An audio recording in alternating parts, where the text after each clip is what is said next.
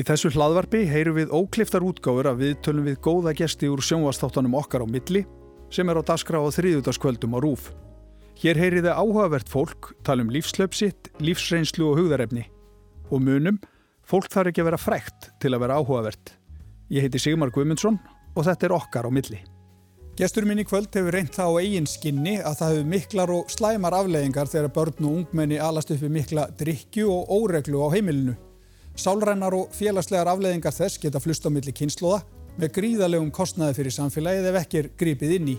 Hann byrjaði sjálfur mjög ungur að drekka sem er sjálfsagt rökrétt framhald af aðstæðunum sem hann ólst uppið en hefur í dag verið edru í 26 ár. Grímur Allarsson er gestur minn í kvöld. Grímur, verður velkomin. Takk. Uh, gott og gaman að fá þinga til okkar. Þú varst að tala eins við okkur hérna fyrir áramót í söpnuna þetta S.O.A. og þá varstu svona að fara uh, svona í frekar knöppu formi yfir það hvernig var að, að alast upp í þar aðstæður sem að þú varst í sem barn alast upp í þennan mikla alkoholisma. Segðu okkur bara aðeins frá því hvernig æskanðin var, hverjir fóröldræðinir eru og, og hvernig aðstæðina voru? Já, þetta þetta, þetta ég þótti mjög vænt um fóröldra mína. Uh, uh, þau voru ung, mamma var rétt tvítuð þú nátti mig, þau, þau þau giftust á tvítugsamali stegi móðu minnar. Og svona þeirra saga kannski þegar ég hugsa, svona, hugsa um þetta allt í samingi sko að þá eru þau, móði mín áttengan föður, það kom ekki ljósunenda fyrir hún var 50 hver pappina var og hann hafnaði henni alla tíð. Þannig hún fættist inn í aðstæða þar sem hún var, mamma hennar var 16 ára mm. og, og svona og, og pappi minn hann var hann var svona skilin eftir súð, í Súðavík hjá, hjá Ava sínum og svona fyrir mig komin í þetta til þessara einstaklinga og, og sem að gerði þetta allra besta en, en bara höfðinga burði til þess. Þannig að líf mitt var ég held að þetta ætti að vera svona en þetta var þetta rosa skrítið að vakna á nóttunni og verið dreginn fram úr bara kannski tveikja þryggjára einhverja minningar í, um raurildi og hef blóð og, og mikið drikja sem ég vissi ekki að væri drikja þá en hérna á enda síðan einhver staðar í öðrum húsum af því að, af því að það var þannig ástand á þeim. Og, og vera skilin eftir hjá ömmu og vera skilin eftir í sveit og vera skilin eftir hér og þar. Þetta, þetta mótaði mig þetta alveg gríðarlega og gerði það verkum að, að ég er undar sá sem ég er mm. sem ég þykki mjög væntum en að samanskapi að þá, þá, þá var þetta þetta var mikið ruggl og, og, og ofsalega mikið svona sko losung á öllu sem að gera það verkum að, að tröst og rætur og, og allt slíkt að fyrir, fyrir mig einhvern veginn að, að, að það, það bara, ég, ég finn þar svo illa og það er svolítið að fabrikera þar mm. setna og svona ég eppel að gera það ennþann daginn dag sko, að feika hluti að því að þeir eru bara ekki í mér. Mm. að því að ég, þeir kom aldrei. Það var að því að þú veist að, að gefa börnum uh, svona ró og, og tröst og, og, og skilning að, að það og trista þessum fullortnu þannig aðalega það, þau voru ekkert vond við mig, ég er unni, ég hugsa aldrei þannig. Voru ekki vond við mig, mm. þau elskuðu mig. En hins vegar bara ástyrra, þau gáttu bara ekkert þau gátt ekki gefið mér neitt því að þau höfðu síðan ekki neitt sjálf sem mm. er svona kannski þessi eitthvað sem við getum kannski komið inn á hérna að, að, að þessi þráður bara lífsins á milli kynnslóðana hvernig ég verð ég og þú verður þú og svo börnið þín og barnabörnin og allt það mm. þetta bara fer á milli kynnslóða þessi, þessi milliflutningur á á þessum vandraðum. Þau fæðast upp í einhverjum áföllum, bara alast upp í einhverjum áföllum, mm. eins og móði mín, engan föður og, og þú veist, þetta var hart, þú veist, hún kallaði bastarður og rauvarhöfn og, og hérna, þetta var bara mjög, og amma mín rosa hörð og, og svona stolt kona sem böðlaðist í gegnum lífið veist, með, með móðu mína og svo kynnist hún manni sem var mjög umtalaður hér í, í samfélaginu Batti Rauði héttan mm. og, og, hérna, og þetta, hann var gjaldtróta þannig að hún var gjaldtróta og hún þurfti að rýsa upp sjálf og, og svo fekk hún mig í hausin og þetta líf hjá þessu fólki en ég er að reyna að skilja þetta líka Já. en mitt, mín æska uh, var ekki eins og æska á að vera þetta hugsa ég núna Já, já. En hva, hvað var það sem að bara svo þú sittur okkur aðeins inn í þetta umhverfi sem þú varst í, var bara stöðu drikja, var, þú veist, gegstu sjálfvala þegar þú varst aðeins eldri, eða hvernig, hvernig? Já, það sko, málið er að, að það var auðvitað ekki alveg stöðu drikja þannig í byrjun, hins að það voru, voru sko, það sem að gerðist einhvern veginn hjá þeim að þetta var svo mikið svik og svo mikið svo margt annað sem að gerist í þeirra hjónabandi og svo brenni við ofan í það og, og, og, og endalus er einhver svona uppákomur og það er að segja hent einhvert annað í lengra að skemmri tíma og svo endar hann bara skilin eftir hjá ömmu minni, það gerist nú bara þegar ég er 7 ára, þá er ég meira og minna búin að vera inn og út af þessum heimilum einhvern veginn. Og svo bara enda ég hjá ömmu minni. Mm. og hérna og þetta, þetta og svona og svo kannski held ég, ný komi ég svona minningar bara sem að maður hugsaður um kannski svona til þess að dramatisera þetta. En sína samt hvernig þetta var. Mm. Að þú, ég kem og er nýr í nýjum skóla átt ára og, og hérna og býði ammali mitt þegar ég var nýjára og, og svona bara allir að kynast grími sko, mm. nýkomin hérna og hérna og gaman og og klukkan er sex eða eitthvað að kveldi og það er bara 50 dagur eða eitthvað og þá kemur mamma heim drukkin og hún fer eitthvað neginn skilur að bansa og eitthvað svona og verður mér til skammar mm. og svo rakk hún alltaf út og þetta var svo og ég fór að gráta fyrir fram all börnin. Þetta var alveg ferlegt að hugsa um svona. Og þarna, þetta er svona endarlega svona uppákomur. Mm. það sem að þú ert eitthvað neginn aldrei, vist aldrei hvenar og þá er ég með þess að þarna bjóði hjá ömmu minni. Og hún kom bara þarna sko. mm. þetta er þú veist þannig að ég var aldrei alveg, alveg hólpin og svo var ég náttúrulega kannski ósangjart hvert móðu minni því pappi var sér neitt inn í myndinni. Hann var bara flutt, þú veist, þau skildu og, og, og hérna hann tók ekkit hann tók mér ekkit skiluru uh, hann tók enga ábyrð á mér þannig sér, mm. þó við værum ángjötir vinnir og vorum það alltaf, alla tíð að þá bjó ég ekki til honum, ég fór til hans og stundu þegar ég kom til hans að þá var hann bara að fara í þórskafi og ég höfði bara að gista og svo kom hann heim og eitthvað sko, þetta var bara svona. Það var aldrei neitt svona eru ég ætla að fórna smá tíma fyrir þig hérna, bara gefa þér svolítið tíma ég fer ekki núna á fyllir í mm. það var aldrei, brennivinni er bara þannig. Já. þú veist, alkoholismi er bara þannig. Það er ekki út af því að fólk er þetta sé ílgjarnar manneskjur eða neitt stíkt þú ræður bara ekkert við þig. Nei. það þýr ekki að segja við eru þú daumingi eða þú voru bara að hætta þessu? En þú hefur þá þurft að svona einhvern veginn að reyna að bjarga þér með öðrum hætti heldur en að flestir aðrir ganga í gegnum að þú ert stundur bara skilin eftir einni í einhverjum aðstæðum þar sem að þú þarf bara bjarga þér. Já, já, og, og svona, veist, við, þetta, þetta fólk mitt, veist, þau voru, það áttu allir einhvern veginn við einhverja, einhvað svona, voru að glíma við eitthvað. Mm. Og, og hérna, móðusisti mín eða ólst upp með mér, því að hún var hans dóttir, hálsisti móðu minnar uh, og við byggum þarna saman og við vorum oft bara tvö, veist, amma mín var á sjónum mm. vann á sjó og hérna og þá var ég auðvitað, veist auðvitað fæ ákveðna, ákveðna hæfileika í lífinu að bjarga mér og retta og promotera hluti það mm. kemur úr þessu Já. því er ekki, það er ekki hérna þú veist, það var ekki það skuttlaðir hingaði þangað, þú veist, það, það var bara ekki í gangi Já. og hérna, maður bara gerði mörguleiti það sem að já, ég gerði bara það sem ég síndist að einhverju leiti og sko, þannig að en kannski bjargaði mér einhver liti, ég var senduð sérni í þessar sveit, sveitadvalir og þá var ég þrjá mánuði og stæri burtu hjá, hjá nokkuð heilbriðu fólki sko, mm. en, en þetta líka erfitt að, að þegar ég hugsaði það eftir á, ég var svo lítill 6 ára veist, og svo bara þá hengi ég 14 eða 13 þá strík ég á endanum oh.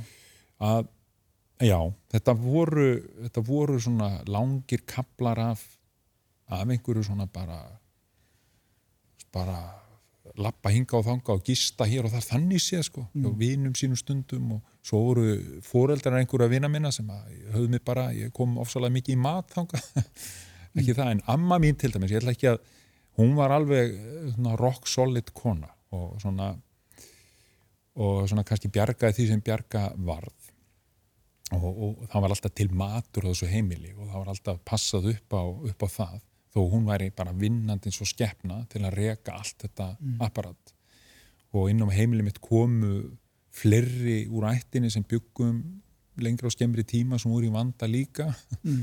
þannig að þetta var rosalega rugglingslegt allt saman en, en, en það var verið að halda hlutunum gangandi Já. og hérna, já En þú elst uppið bara, þú veist að lýsa þessu fyrir mér í gær, ég menna kvöldin og næturnar, þá ert alltaf einhvern veginn að fara að sofa við einhver óskaplega læti Já. og upp úr því koma svona vanar sem að fylgja þér alltaf tíð. Já, já, ég, svona þegar ég var ennþá með móðu minni, því að þá þegar fóraldar minni skilja, þau skilja þarna mjög svona, það, bara, það var rosa mikið rugg og, og, og svo skilja þau og, og þá, e, þá þetta bara, ég svona, svona minningar frá því að við búum saman og það er að koma hinnir og þessir, náttúrulega, mm. Búa með móðu minni eða semst vera með móðu minni. Og ég var svona minningar um það að á nætutna og þetta eru síðir sem ég bara aldrei losna við að sofa alltaf með kotta yfir haus af því að, að því að það er eitthvað í gangi. Það er eitthvað sem mér líður mjög illa yfir og ég vakna á nóttunni og við erum að tala um 6 ára eða eitthvað, 7 ára. Og ég finna það er eitthvað, það er eitthvað sem mér líður mjög illa í og ég maður, þetta er svona minningar sem koma svo reyndar sko fennir yfir svo margt. Líka minnir, við erum þannig gerð með svona áföll að, við lokum þau af, setjum af semst, og ég veit ekki hvað nákvæmlega endilega gerðist allt saman sko, en, en það sem var að gerast á svona stundum voru að það var eitthvað sem að allir með mikill í mannliðan mm. og ég vaknaði upp á nóttunni og nætturna og óskaði með þess að vera komin í til dæmis í pörsun sem var á daginn þegar ég var, þetta er líklega þá sex ára því þá var ég í Ísaskóla, það var ykkur í svona mm. Uh, yfir daginn því að skólinn var í þrjá tíma og þá var maður gemdur þar eitthvað starf með öðrum börnum. Og mér leði ekki vel á þeim stað. Og kona sem var ekki góð í, í, í því sem hún var að gera og ég vildi ekki verða þar. En þarna þessa nótt sem ég vaknaði upp einu sinni þá, þá óskaði þess að ég væri þar. Mm. og það er mjög undarlegt því að mér leði alltaf illa þar. Og ég held að við þessa nótt að þá hef ég semst, sett kottan yfir höfuð á mér og ég hef alltaf sofið þannig síðan. Bara svona get ekki sofið nema sem ég kotta yfir höstnum á mér. Og þetta er svona lítið dæmi í raunverð þetta, þetta segir hansi margt. Þetta segir bara mjög margt og mm. þetta segir veist, þetta, þetta, þetta bara gerir sko fyrir barn og þegar við erum, ég er svolítið að pæli þessu í dag því að í skólakerfinu þegar ég var hérna, veist, þá var alltaf tekið á mér sem eitthvað svona, veist, hann var óstýrlátur hann var, voru læti hann, þú talar um mikið og, og þú, við höfum ekki hefnað sálfræðingi fyrir þig, eitthvað svona, ég fekk svona skilabóð og þannig er ég kannski bara að hendur spekla eitthvað sem að þú veist, ég er búin að gangi í gegnum sem, sem barn og, hérna, og er barn og ætti kannski einhver að spyrja býtu, hvað getur við gert fyrir þig? Er eitthvað að gerast heimahöfur og ég hugsa um þetta oft í dag líka því ég veit að þetta er enþá í skólakernu, þó skólakernu er miklu betra en það var að þá veit ég að börn sem er að sína ákveðna hegðun þau eru að upplifa ákveðna ég bara vannlíðan vegna áfalla sem við verðað fyrir að það tekið á þeim, ég höfðu þurfum að greina þig. Veist, það er eitthvað að þér. Veist, svo fær maður eitthvað greiningu mm. og þá er ekki að tala um að það, eru, það þarf að greina suma og allt það. En, en ég var, hefði öruglega farið gegnum allar þessar greiningar sem allt þú veist, en kannski var ég bara að endurspegla og ég held það, ég var bara að endurspegla hérna, það sem var að gerast heima það mér. Já. ég treyst engum mér leiði illa á nóttunni, ég svafstundum ekki og, og hérna, og séðan var ég bara skilin eftir og, og hérna og þannig var þetta, veist, þegar ég fór til útlanda þetta var allt samt svo, þú veist, börn eru svo skrítin þrátt fyrir mannliðan og þá sækjaðu í að vera með fóröldunum sínum mm. og ég fór með móðum minni til þess tveggja mánuða ferð til Spánar það sem að ég var ég var 11 ára verða, já, 11 á 12. aldursári þetta er um sumar, ég er sent árun í desember og það var alveg óstjórnlegt rögl og alls konar fígurur sem eru bara þekktar hér í fjölmiðlum fyrir, sem voru þarna í kringum móðu mína. Og þetta voru tveggja mánuða ferð. Og það endaði að þú veist í þessari ferð, ekki þetta endaði miðbygg þessari ferða, þá er ég einn í einhverju villu í Fúingur Róla við, við Torremolinos 1982 og það er nótt og ég er einn og ég er vakandi og mér líður umurlega og ég hefði algjör og óbeitt áfengi algjör og óbeitt því ég vissi náttúrulega hvað áfengi eh, hafði gert í lífið mínu. En það eina sem ég dætt í hug það er að fá mig bjór. Það bara eina sem ég dætt í hug. Ég fór í ískapin og ég drakk þrjá bjóra og mér leið vel. Og ég var ekki að drekka þú veist eins og ég held að flesti byrja að drekka er svona spenna með krökkunum að vara á ball eða eitthvað veist, og vera náttúrulega ekki 11 óra heldur kannski bara 15 ára eða eitthvað. En þannig er ég 11 ára og eina sem að veist, ég fann bara þessi ró og hvað, veist, þetta var svona gat inn í mér og ég fekk þetta efnið þarna og settaði í mig og, og mér leiði vel Já. og í fyrsta svona árið þarna eftir þetta þá drakk ég svona til þess að það svona líða vel Já. sem eru þetta bara, þú veist, eitthvað eins og einhver sjötur sko fórstjóri sem verði heim og hansi viskíkla sko, bara aðeins til að róa töðarnar sko. Þannig er aðstæðunar auðvitað bara sem bara, gera þetta, gera þetta verkum já, og ég fyrir þetta áfengi, ég ætla aldrei að drekka af því að veist, þetta var bara búið að var bara búið svo, ég fattaði hvað þetta var raunverulegt því ég sá þetta samanburðinni minna hefði hjá dúta eða einhverjum sem að já. þar var ekki, þar var bara fólk og þú veist, það bara eldaði læri og eitthvað og, og fór í skíðaferðir sko. Ég, hérna En, en getur þú útskipt fyrir okkur sko hvaða farangur tekur með þér út í lífi þegar að þú eldst upp í þessum aðstæðum? Menna, uh, þetta er svo mótandi. Menna, hvernig, hvernig, hvernig fór þetta síðan með því í lífinu þegar þú erst orðin fullorinn, þú ferð að stopna þína fjölskyldu og taka þátt í lífskeiða kaplöpinu og, og, hérna, og ert einhvern veginn með þetta í, í farteskinu? Sko, ég eins og sko með fóraldra mína, ég uh, sættist mjög, sko, því ég náttúrulega fór sjálfur að drekka og svo fór ég að dópa og svo fór ég að eðalikja mig og, og það klúraðist lífið, það var einhvern veginn óhjákvæmilegt að það myndi gerast, ég held að sé það eru ofsalega fáið sem ná einhvern veginn að sleppa mm. sem að búa við svona aðstæður.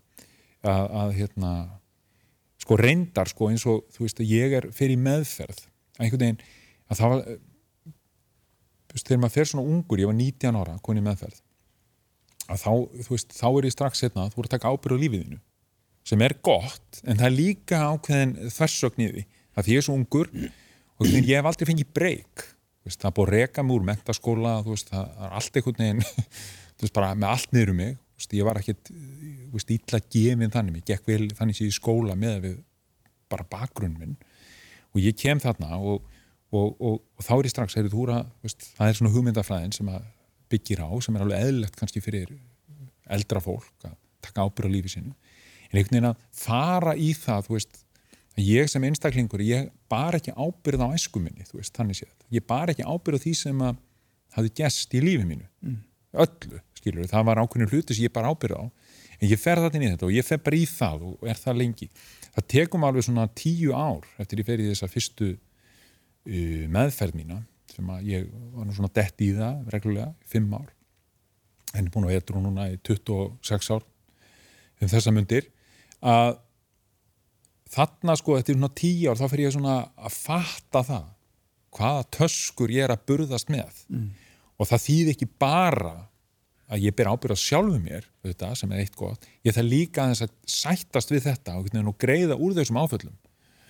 Og, og það tók mér mjög langan tíma og, og, og eru þetta, ég held að sé eiliða verkefni fyrir mig, ég held ég mun aldrei fara alveg, því það er eins og ég segi það er ímislegt sem ég gerir sem er ekki ekkert mér eðlislegt af því að það er bara, ég hef enga tengingu við það. Já.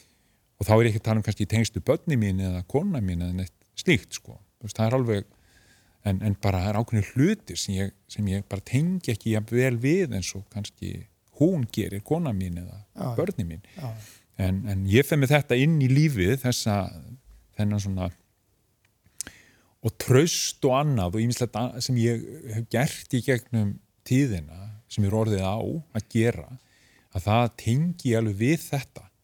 Að bara hversan ætti ég að, að, að, veist, að trúa því að einhver vilji ráða mér í vinnu eða einhver vilji e, búa með mér eða einhver vilji að vera sonur minn eða dótti mín? E, e, veist, að hversan ætti ég að trista því ég er náttúrulega bara svona gæi sem var skilin eftir. Veist, þetta var, það þurfti maður þú veist, það er bara mjög og þeir sem að tengja og er í svona áfalla vinnu, þeir tengja vel við þetta já. sem hafa orðið fyrir svona áfall já. það fer þetta tröst á, á bara já, veist, ég bara trú engum. Nei, þetta er svo mótandi og þess vegna hefur verið svolítið skýr alltaf á því að rjúa þessa rjúa þennan vítaring að, að ein kynslu þeilur upp aðra og menn taka með sér farangurinn og svo áfram og áfram. Já, og það er bara mjög mikilvægt að gera það og, og mér finnst sko, við sem samfélag ættum að einbetta okkur að bara því að þeirra einhver á vona barni eða eitthvað, bara taka vel utan við þann hóp, bara sem að veist, fara með aktíft í það að bara fræða og, og tala við og ég ber svona að heyra í fólki veist, bara, að þetta er stór mál mm. Og þetta kostar samfélagi stó, bara mikla peninga. Allir þessir hálfu ónýtu einstaklingar sem koma í, gegnum, í þess að gegnum svona esku en, en hvernig er þetta grípinni? Þú nefndir til dæmis skólakjörfið, menn, menn sáu ákveðna hegðun en menn tengduðu ekki við Nei, það sem er í gangi heima hjá þér. Er, er, er, er auðvelt sko, að rjúa þetta? Sko það, auðvelt er ekki auðvelt. Þetta er bara, þetta er samfélagslegt átak. Og þess að segja, ég byrja strax þarna. Þú veist bara í, í, í sko meðgöngu fræðislan og þá erum við að tala um sko tífaldana. Og svo þegar það kemur að því að, þú er búin að eiga barni að gefa þú fóröldum tækifæra og vera með þessum börnum. Veist, og, e, veist, við tölum með það agalega mikið gott að vera komið tólmánaða fæðingarlof og skipta í tvent og allt það. Ég vil, átján mánuður ætti bara að vera markmiðið, veist, að því að við verðum einhvern veginn að tengjast þessum börnum. Við verðum að búa þessum börnum einhvers konar, einhvers konar eh, bara örugt líf og skjól. Og síðan auðvitað þegar þú kemur síðan í eh, þú kemur síðan í, í, í leikskólan þá eiga auðvitað ekki börn að vera kannski nýju klukkutíma og, og hitta svo fóröldar sinna smá. Og skólakerfi, það er bara við erum ekki neina gæðrækt, við erum ekki með neina svona skimun. Það er mjög fljótt farið í það að, að batni sé vandamál. Já. mjög fljótt. Ekki aðstæðunar og við sjáum það bara, við tökum bara greiningar á börnum, ég meina, við erum alveg óbáslega mikið af börnum sem eru greind á Íslandi með vönnu lönd Já. sem eru greind með eitthvað svona frávik sem gæti alveg verið frávik en ég vil meina við hefum ekki að vera með 11,6% drengja með ADHD greiningu og á svo vissum tíma, þú veist, kannski þegar 12, 13, 14 ára þá eru 25% af þeim að jafnvel að nota ADHD-lif. Það er alveg fínt að einhverju þurfi á þegar að halda að nota slík lif en ég er samfærum ef maður myndi huga þessum grunni og huga þessum, og vita meira veist, svona þverfaglegt hvað er að gerast í lífi bass að það myndi ekki vera spurt, þú veist, ekki eins og ég var spurður eða sagt við mig þú veist, þú eru bara hagaðir þegar ég var reygin úr skólanum mm. einn dag einu sinni Við hefum ekki efnað sálfræðingi? Við hefum ekki efnað sálfræðingi, þú veist, ég var 13 ára 12 ára, ég var 12 ára þú veist, það gerði sama hösta móði mín, þú veist, hún flutti til Greiklands, þú veist, hún, hún bara flutti þú veist, ég meina ég þó ég hef búið hjá ömmu minni þá, þá veist, þetta er alls konar aðstæð sem ég var að gangi í gegnum. Ja. þú veist, þegar ég er 15 ára þá er hún handtekinn, eða 14 ára. Hún flytti í neyturlif, þetta eru hluti sem að sem er kannski að gerast í lífi bass en það er enginn sem spyr. Og það er ekki dendilega að vista þessi að gera það í dag þó við séum með öflura félagskerfi og annað. Það eru bara svo svona innbyggðir fordómar og óþól fyrir börnum sem er einhvern veginn að sína einhverja hegðun sem er ekki er ekki alveg eðlileg Já. að fólki finnst Já. en þetta er nákvæmlega eðlileg það er mjög eðlileg hegðun að vera svolítið lost og vera jæfnvel svolítið æstur og vera jæfnvel svolítið hávær ef eitthvað svona er búið að ganga á þú veist, í kannski mörg ár og svo kulminerast það, heyrðu já mamma henni flutt til Greiklands og hérna þú veist, og þó að við værum ekkit þú veist, þá var þetta mamma mín ég var enga sonurina þá já, já. Og þetta hafði áhrif á mig og, og hérna þetta var bara rugg allt saman. Já, og svo kem ég í skólan og þá er ég bara rekin úr skólanum að því ég er svo mikið hérna, vandraðabann veist, þetta þetta held ég ég nota þetta, ég vil speikla þetta í nútíman líka. Við hefum bara að hugsa þetta svona að hérna, börn sem að börn sem er að sína einhverja hegðun það er ekki víst að það sé nýtt að hjá þeim. Mm. það er bara góða punktur já, þannig ég held að það sé bara mjög góður. Já. en hvað hérna sko þú, þú svona hefur, hefur auðvitað unni mikið í þér og, og allt þetta en, en uh, það vakti náttúrulega rosalega mikla aðtikli hérna fyrir hvað, 6 eða 7 árun síðan þegar þú varst að skrifa eins um pappaðinn og pappaðinn er þá honum fullorðin og hann er búin að vera að drekka mikið og það var einhvern veginn hverki ploss fyrir hann. Þetta var, það var ekkert til fyrir hann í kjærfinu rifiðaði þetta eins upp hvernig þetta var. Já, þetta var mjög erfiðu tími og, og hérna pappi minn hafði átti litla íbúð sem hann bjó í í miðbæreikjaukur hafði keitt átti helmingin í eða eitthvað þegar hann keitt hana en náttúrulega bara var eiginlega bara veist, hann var eiginlega bara götu maður, hann átti í húsnæði, hann bjó í því og, og svo var það bara þenni, hann gat bara, veist, þetta voru tugir skipta á ári sem að sjúkrabílar komu og týndan upp einhver staðar og, og, hérna, og hann fór í öndunavél og hann fór í Gjörgjastlu og hann fór á gæðdeildir og hann fór á allar deildir samfélagsins bara sem að vera til, livlækningadeildir og allar deildir bara. E, nema hann fikk aldrei neina líkn í sjálfu sér, það var aldrei neitt svoleiðis. En síðan öndanum að þá, þá er hann þá er hann, rauninni, sko, þá fer hann eftir ég skrifa þetta bref þar sem ég er að kalla á einhverja hjálp. Mm. þá fær hann inni er hann, held ég í rúmta ár, nei, tæfta ár á, á, á Vík. Bara er þar. Bara svona, hann var, hann var bæði á mjög þunglindu líka og þannig hann í rauninni á þægilegu maður þegar hann er ekki að drekka. En, en kemur svo út og er settur í eitthvað félagsúræði í, í, hérna vegum Reykjavík og borgar sem endanum, endanum þá sendir þetta félagsúræðin í rauninni bara, hann er bara fluttur repaflutningum það er bara, þú skrifur undir hér og þú fer hérna út og hann var sendur á, á kirkjubæðaklöstur það sem hann geimdur í eitt ár. Og hérna hann vildi ekki fara þánga, aldrei búið á kirkjubæðaklöstri og hérna þetta voru bara svona reppaflutningar mm -hmm. og hann var geimtur eins og þú segir. Hann var bara geimtur, hann, var ekkert, hann átti ekki heima þar. Vist, ég heimsótt hann alltaf og við, alltaf, við vorum alltaf töluðum alltaf saman sko. málið er að það er líka, þetta er, þetta er svo margt þetta er svo margt í þessu kerfi, veist, hann átti þessa íbúð keift hann á veist, 5 miljónir eða 4 miljónir, 2000 og, og átti helmíkin í, í útborguninni og svo þegar 2013 eða 2014 eða hvaða var sem að er landsbankin var búin að eignast allar hans skuldir að, sem voru bara þessi íbúð. Þá skuldaði landsbankanu 9,2 miljónir sem voru meir og minna bara einhverju löffræðingar mm. og þannig að landsbankin böðan upp kefti þessa íbúð á 9,2 miljónir og selda hana svo þremu vikum síðar á 15,6 mm -hmm. þetta er svona er svona dæmi um hvernig, hætta, hvernig svona fólk eins og faði minn bara verður undir allstaðar hann, sko, landsbankin sko hann fekk sitt sko margfald tilbaka, mm. margfald og hann fikk ekkert út úr þessu en pappi bara annað en að vera sendur á kirkjubæðaklaustur og síðan eftir að veri ára kirkjubæðaklausturi og kvarta undan því og vilja ekki búa þar. Þó að þetta væri fallegt og mér finnst þetta rólegt og allt það hann bara, hann bara búið í miðbænum í Reykjavík frá því að hann flutti uh, með afa sínum frá Súðavík fimm ára sko. mm. Var hann að drekka allan hennan tíma eða? E, á klustri, mm. hann drakk held ég bara hann var svo þunglindur, hann drakk held ég bara sótrensi spritið tvísvar uh, og ríki var vel hliðina og hann átti nóga peningum þá en svo þegar hann kom var sendur í sendur í Hafnafjörð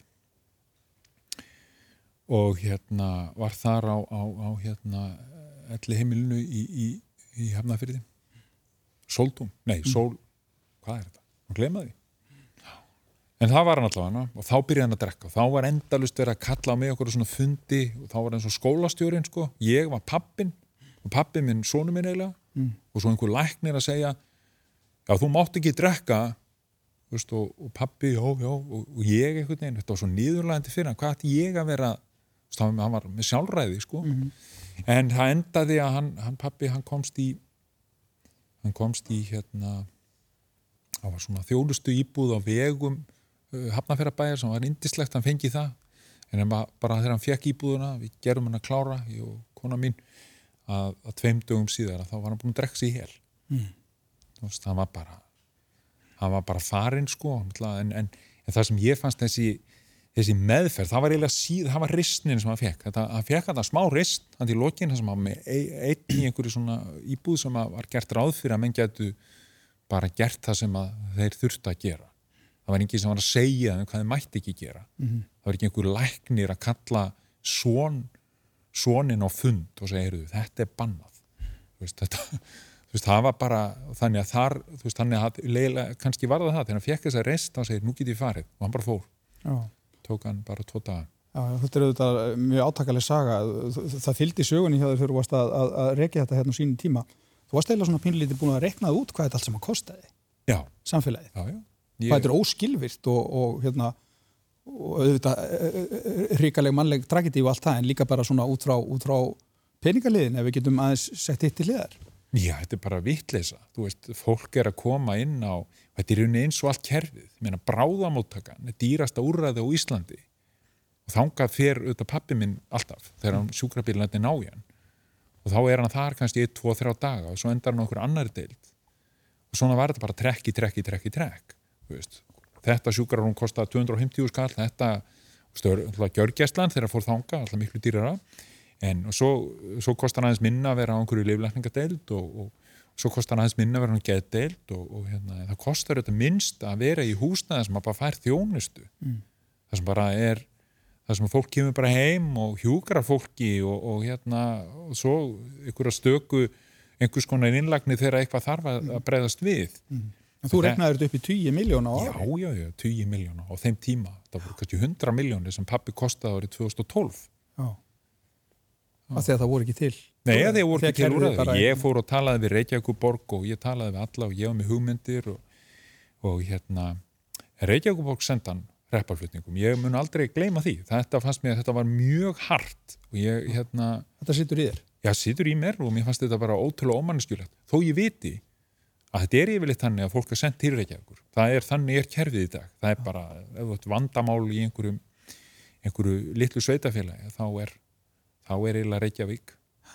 En þarna var þessu þannig hátt að það var ekkit pláss fyrir hann. Æ, hann bara livð og lengi. Það bara er þannig, þú drekkur með þessu kaliberi, þá yfirleitt lifur ekki svona lengi.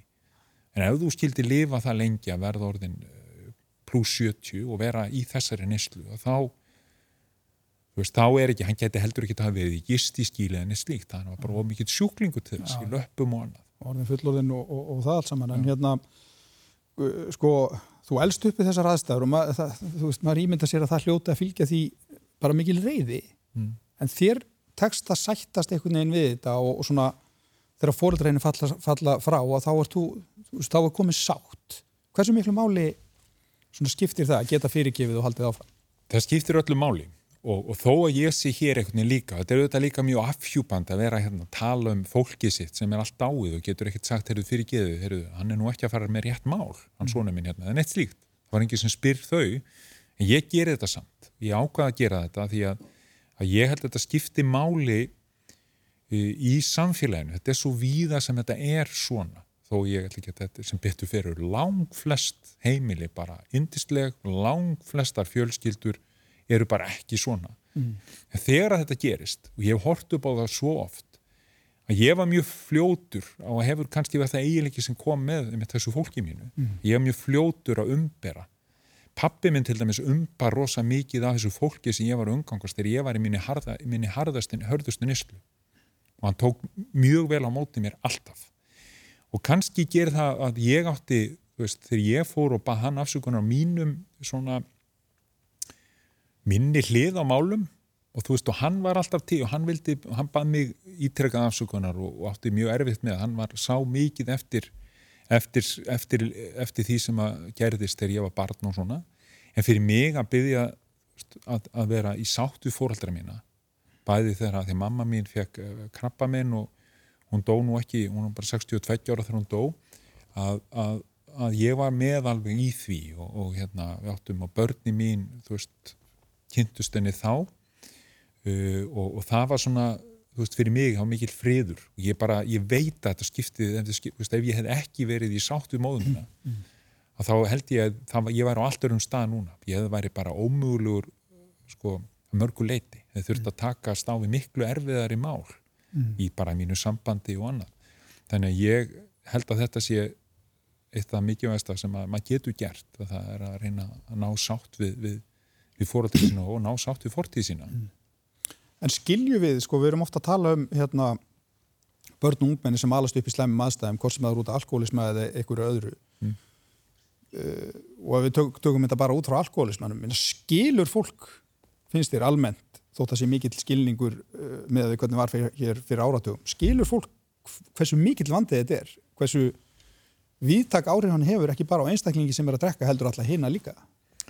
Sko bæði og, við erum náttúrulega, erum kannski Ísla, Íslendinga náttúrulega með þessu að við hefum haft hér S.A.A. hér í 40 ára, þetta er svona svona viðukent að, að við séum svona áfengisvandin sé viðukendur en ég samt held ekki eh, alveg að þú, það, það sem ég vil greina er þetta hvernig við og þá eru líka gæðranar áskorandi þegar þú býr býr við það að fóreldræðin er, er að kljóst við gæðranan vanda mm -hmm. sem er kannski oft byrtingamindin er oft svipuð á, á kannski hegðun þó að þessi ekki endilega veist, efni í nótkuna getur verið það að þá, að þá það sem ég vil meir, meina að við skiljum þetta ekki það bara byrtist í, í þessu félagskerfi og þessu skólakerfi og, og, hérna, og hvernig það allt saman er Já. að þar eru við ekki þar eru við ekki að, átt okkur á því að börn þau spegla hluti og það sem bad speglar getur bara verið þetta og, og ég bara veit að í mínu tilfelli var það og ég þekki mjög mörg tilfelli önnur, ég bara þekki svo marga unni þessum bransa mm. og verið svo víða þá sé ég þetta, þessa speilmynd þess, þess sem er að gerast heimahjöður mm. og, og, og svo, svo hérna, það sem gerist er bara að við missum svo marga vegna þess. Þannig að þess vegna skiljum við þetta ekki sem samfélag Nei. að þetta er það, það getur verið þetta, það er ekki endilega þú veist, þroska fráik sem er í gangi. Það bara þetta er bara aðstæður heima hjá fólki. það bara aðstæður heima hjá fólki. Og það er ekkit verið að skoða það Nei. því miður. En núna hérna, hefur verið að starfa sem framkvæmstjóri í geðhjálpar. Þessi hérna reynsla sem þú býrði yfir úr barnæskunni og, og þetta líf e, þetta lítur að vera svona svolítið innsæg inn í það starf, er það ekki? Jú, það er það, algjörlega og, og kannski ég sogaðist inn í þetta mjög snemma sko. ég er 18 ára og þá er ég fann að vinna á geðdeitt landsbytarnas og svo fer ég í þróskaðalaskólan og vinna á öllum sambílum eh, Reykjavíkur og, og vinn í þessu og fer svo til Dammerkur og þú veist þannig að, að kannski sogast inn í það en það er mjög mikilvægt, held ég ég ætla hana fyrir mig, að vera með einhverja insýn inn í þetta áður en ég fer að tala við nokkur mann. Og ég auðvitað starf ekki sem ráðgjafi í dag eða neitt slíkt, eins og þá er ég þá hitti ég mikið af fólki og ég kannski get speiklaða og ég get talað með einhvers konar reynslu dýft í því málum, þeim málum mm. og, og skilða, vissulega.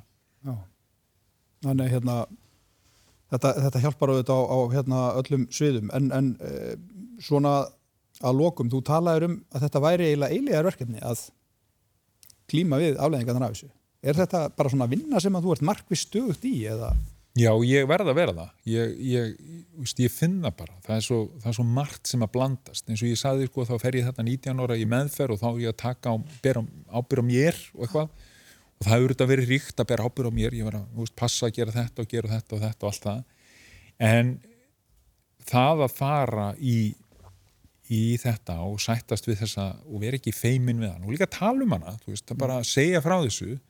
Þetta er ekkert þetta er ekki vond fólk, þetta var ekki vond fólk ég elska þetta fólk allt saman og ég er, elska líka sjálfa mig þennan litla gæja þarna sem ég bara var ekki að elska svolítið lengi. Mm -hmm. af því að ég skammaðist mér fyrir svo margt það var svo margt sem ég gerði sem einhvern veginn mér fannst astnalegt og þetta er bara svo kemur inn í lífi fullur af þessari meðvirkni og ruggli og, og þú veist til þess að, að, hérna, að bara í gegnum lífi þá verð ég að vinna í þessu alltaf. Mm. annars bara fer ég aftur í það að vera annarkvort já ég veit ekki að annarkvort bara alveg óþólandi eða fullur eða mm. döður sko. það er bara svo leiðis eða litla brotnabatni já, litla brotna, því að litla brotnabatni það er, er ekkit þó að það sé indislegt að þá er það ekki mjög burðugt til þess að í gegnum lífið það er ekki mjög burðugt til þess að tala við, við börnin mín.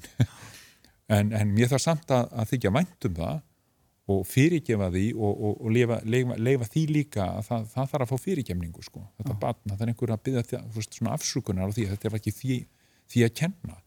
Og, og hérna, þetta er svona, þetta er flókið en, en mjög frælsandi og það, veist, ég leita allra á leiða til þess að, að hérna að því ég veit það bara líka, þá get ég verið betri í afi og, og verið skemmtilegri við, við, við fólkið mitt. Ég veist, er nú yfirleitt alveg fítn, ég er ekki svona leið, svona, ekki mjög sveiblóttur, en, en hérna það bara skiptir öllu máli að bera ábyrða þessu.